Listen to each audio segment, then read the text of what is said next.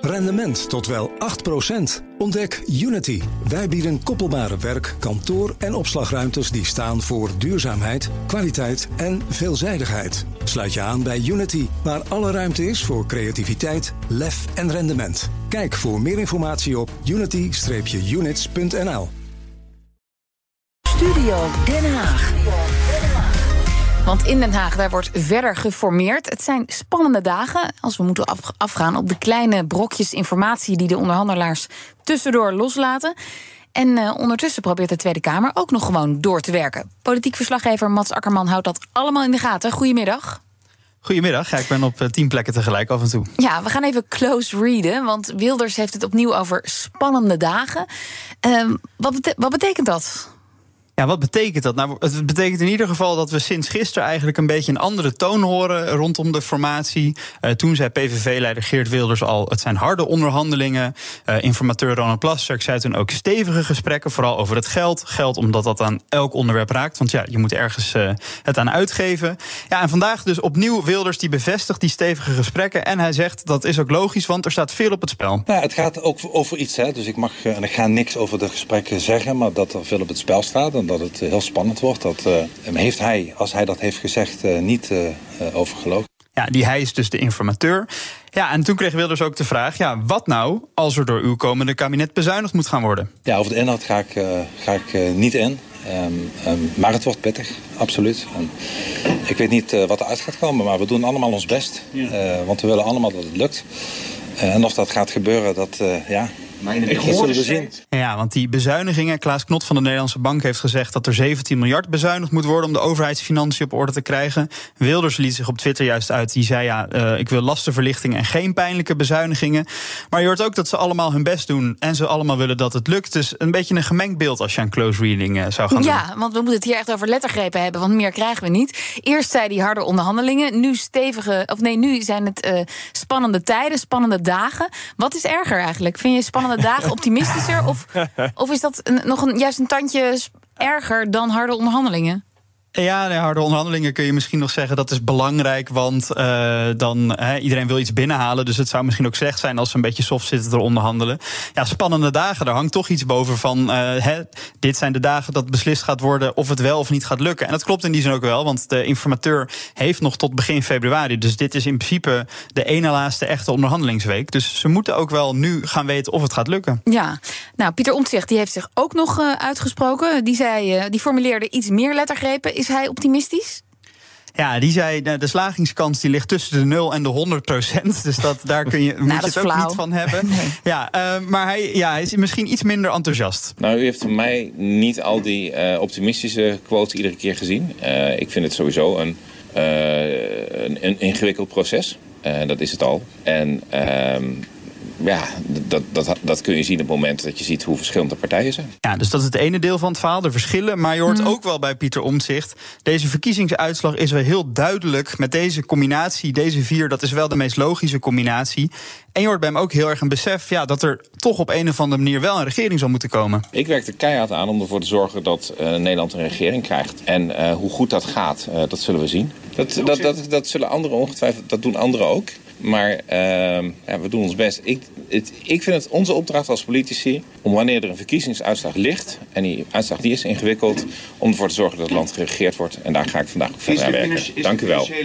Ja, dus om jullie vraag te beantwoorden van ja, wat moet je er nou mee? Ja, aan de ene kant zegt hij ingewikkeld, aan de andere kant hoor je een soort plichtsbesef van er moet wel een regering komen. Mm. Ja, en, en daar moeten we het dan mee doen met deze kleine zinnetjes. Uh, maar goed, dat is wel iets meer dan vorige week toen het echt wel complete radiostilte was. En we echt niet veel meer hoorden dan uh, het was een goed gesprek en we praten morgen verder. Dus ja, lekker kleine beetjes uh, informatie over hoe de partijen kijken naar de onderhandelingen uit de gesprekken. Ja, gisteren hadden wij hier de coalitiekijkers, Bianca Pander en Jurje van den Berg, je kent ze. En die zeiden ja, dit soort opmerkingen, dat zijn ook een beetje exit-strategieën voor als het niet lukt. Of dat ze zich alvast een beetje indekken. Hoe zie jij dat? Ja, dus dat kan inderdaad, dat ze zich indekken voor de kans dat het niet lukt. Dit soort opmerkingen kunnen ook een manier zijn om aan de achterban te laten zien: kijk, we zijn echt wel stevig aan het onderhandelen. we laten niet zomaar al onze belangrijke punten los. Hè. Je moet ook een beetje doen alsof het moeilijk is. Je hebt ook wel eens mhm. van die. je hebt volgens mij wel verhalen dat er dan soms onderhandelingen waren. dat ze er eigenlijk heel snel uit waren. maar dat ze toch nog wat langer met elkaar bleven zitten. omdat ze niet de indruk wilden wekken dat ze te snel overstag waren gegaan. Dat ze dan gewoon binnen met elkaar in een ruimte zaten. Voor de achterban, precies. Bijvoorbeeld voor Pieter Omtzigt kan het moeilijk zijn om uh, voor een deel van zijn achterban om samen te werken met de PVV. Ja, dan wil je toch in ieder geval wel de indruk wekken dat het lastige gesprekken zijn. Dus het kan ook strategie zijn in de richting van wel samenwerken. Je kan het twee kanten op, uh, opdraaien. En Mats, dan zijn er ook twee belangrijke stemmingen geweest in de Kamer. Onder andere dat uh, het eigen risico niet wordt afgeschaft. daar zijn de, de vier formerende partijen het gezamenlijk in de Kamer in ieder geval met elkaar over eens. En wat we zojuist hoorden, is dat Lelystad Airport definitief geen commercieel airport wordt voor vliegverkeer en vrachtverkeer.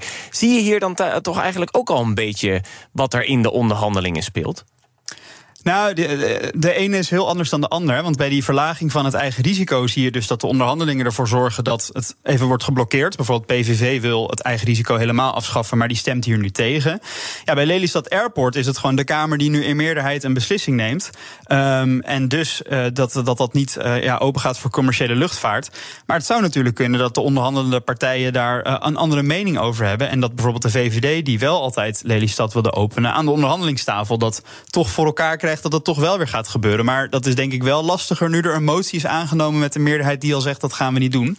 Dus ik verwacht niet dat dat nu opeens uit die onderhandelingen gaat rollen, eerlijk gezegd.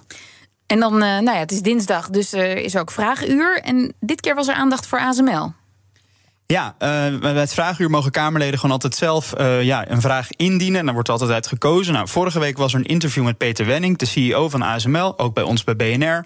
Ja, over zorgen dat ze niet meer verder kunnen groeien in Nederland, dat ja. er grenzen aan zitten. En dus ook daaraan het gevolg dat als je hier niet meer kunt groeien, dan ga je elders groeien. Dat zou zonde zijn voor Nederland en de economie. Ze maken zich ook zorgen over kennismigranten, waar sommige partijen misschien niet enthousiast zijn. Ja, en dus moest minister Mickey Adriaansens van Economische Zaken naar de Tweede Kamer komen. En ik vroeg aan haar: hoe heeft u nou geluisterd naar die zorgen? Ik was eigenlijk wel blij dat hij het zo duidelijk uitsprak. Want de boodschap is wel binnengekomen. En um, ik denk dat het goed is dat bedrijven, als het echt is... en dat, ik weet dat dat hier inderdaad uh, de zorgen zijn over... hebben we wel voldoende personeel om die schaalsprong... Te, die groeien ambitie te kunnen waarmaken...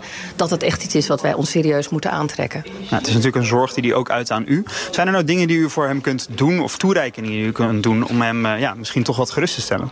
Nou, ik pleit al heel lang en met alle beleid wat ik uitzet... en wat ik uitvoer uh, voor stabiliteit in ons uh, ondernemersklimaat. Zorgen dat we niet continu wisselingen hebben met regels. Daar heeft hij nu een punt, want hij verwijst expliciet naar de 30%-regeling. Dat is nou niet iets wat direct uit mijn beleid voortkwam. Dat was een amendement van de Kamer. Dus ik denk dat wij met elkaar, uh, uh, regering aan de ene kant, maar ook zorgen voor de Kamer, voor stabiliteit en rust. En ons niet te veel door de zeg maar de hectiek van de dag laten leiden. Maar vooral nadenken over die lange termijn, want die hebben ook nodig. Maar goed, ondanks dat er dus over na wordt gedacht, heeft hij nog steeds die zorgen. Dus dan is het misschien niet genoeg voor hem. Nou, we gaan in ieder geval de evaluatie van de 30%-regeling naar voren halen. Dat heeft de staatssecretaris van Financiën ook in een Kamerdebat gezegd. Maar de zorg uh, ga ik niet uh, kleiner maken dan die is. Want het is iets wat ook prominent op mijn agenda staat. Te zorgen voor versterking van, uh, van mensen die kunnen werken in techniek op, op zeg maar kennisintensieve banen.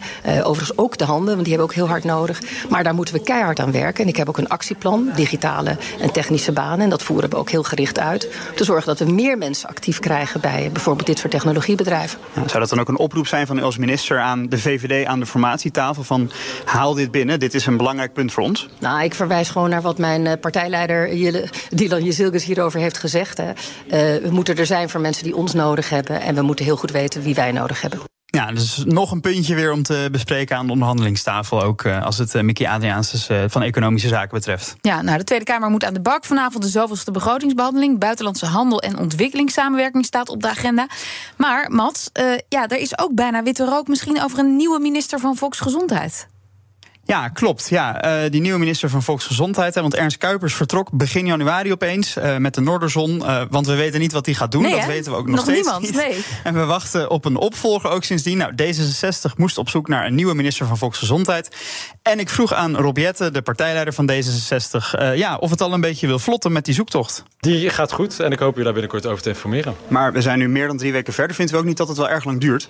nee, want ik had met minister Helder afgesproken dat we hen even de rust zouden geven, de minister en de staatssecretaris, om de begrotingsbehandeling VWS te doen. Die is vorige week geweest. Dus nu gaan we door met uh, het aanzoeken van een nieuwe minister. Hij heeft natuurlijk best wel veel nieuwe ministers en staatssecretarissen moeten benoemen uh, recent. Is het uh, niet zo dat de D66'ers op zijn? nee, zeker niet. dus ik kan u op een hele korte termijn al gaan vertellen wie het gaat worden. En wat is dan een hele korte termijn? dat hoort u van mij. Horen we dan ook op een hele korte termijn wat die nieuwe baan is van Ernst Kuipers? Dat, dat, hoop ik, dat hij dat ook snel bekend kan gaan maken. Weet u het inmiddels wel? ook net zoals u, de heer Kuipers gaat ons melden wat zijn nieuwe baan is. Nou, dat was, ex, eh, dat was 45 eh, seconden aan complete nikszeggendheid. Maar uh, ja, dus op het antwoord wanneer krijgen we nou die naam te horen? Ja, snel. Is dat dan deze week? U krijgt het te horen wanneer u het krijgt te horen. Uh, maar goed, het is voor Rob als partijleider van D66 natuurlijk ook vervelend. Want hij moet zich nu verantwoorden voor die keuze van Ernst Kuipers. Waarvan we niet weten welke baan die heeft. En, en Ernst Kuipers is er niet meer. Dus die kunnen, die kunnen we het niet zelf vragen. Hij, hij weet het ook niet. En uh, ja, nou, hij krijgt constant uh, die vraag. Ja. Toen, toen hij zei van net zoals u, we, we moeten wachten. hij zei ook niet dat hij het niet wist. Dus ik, ik vond dat hij er een beetje omheen praatte. Voor mijn gevoel. hij weet dat natuurlijk, maar hij gaat het niet zeggen. Ja, nee, exact. Maar uh, Mats, jij loopt daar rond in Den Haag. Hoor je niet wat uh, in de wandelgangen? Zoiets lekt toch uit? nou, ik heb op het ministerie gehoord dat ze dachten aan uh, Peter van der Voort. Dat is een oude D66-senator. Uh, die ook arts is, volgens mij in Groningen op het UMCG. Dus dan zou je wel weer een arts die ook politieke ervaring heeft kunnen binnenhalen. Maar hmm. goed, zo iemand moet maar net weer beschikbaar zijn. Dus dat was degene waarvan ze op het ministerie dachten dat hij het zou worden. Um, maar ja, je zou ook wel denken dat uh, als die dat inmiddels weet, dan kun je dat inmiddels ook wel een keertje bekendmaken. Dus misschien dat ze ook wel iets langer op zoek moesten, omdat het toch een onverwachtere naam is geworden. Dus ik weet het niet zeker. Nou, Peter Vorst, als ik het goed heb, die uh, schrijft op. Peter van der Voort. Dus van, der, van der Vorst. Oh, ja. Die werkt bij RTL. Ja. ja, dat is dat van RTL, ja precies. Maar Peter van der Voort. Dankjewel, Mats Akkerman. Rendement tot wel 8%. Ontdek Unity. Wij bieden koppelbare werk, kantoor en opslagruimtes die staan voor duurzaamheid, kwaliteit en veelzijdigheid. Sluit je aan bij Unity, waar alle ruimte is voor creativiteit, lef en rendement. Kijk voor meer informatie op unity-units.nl.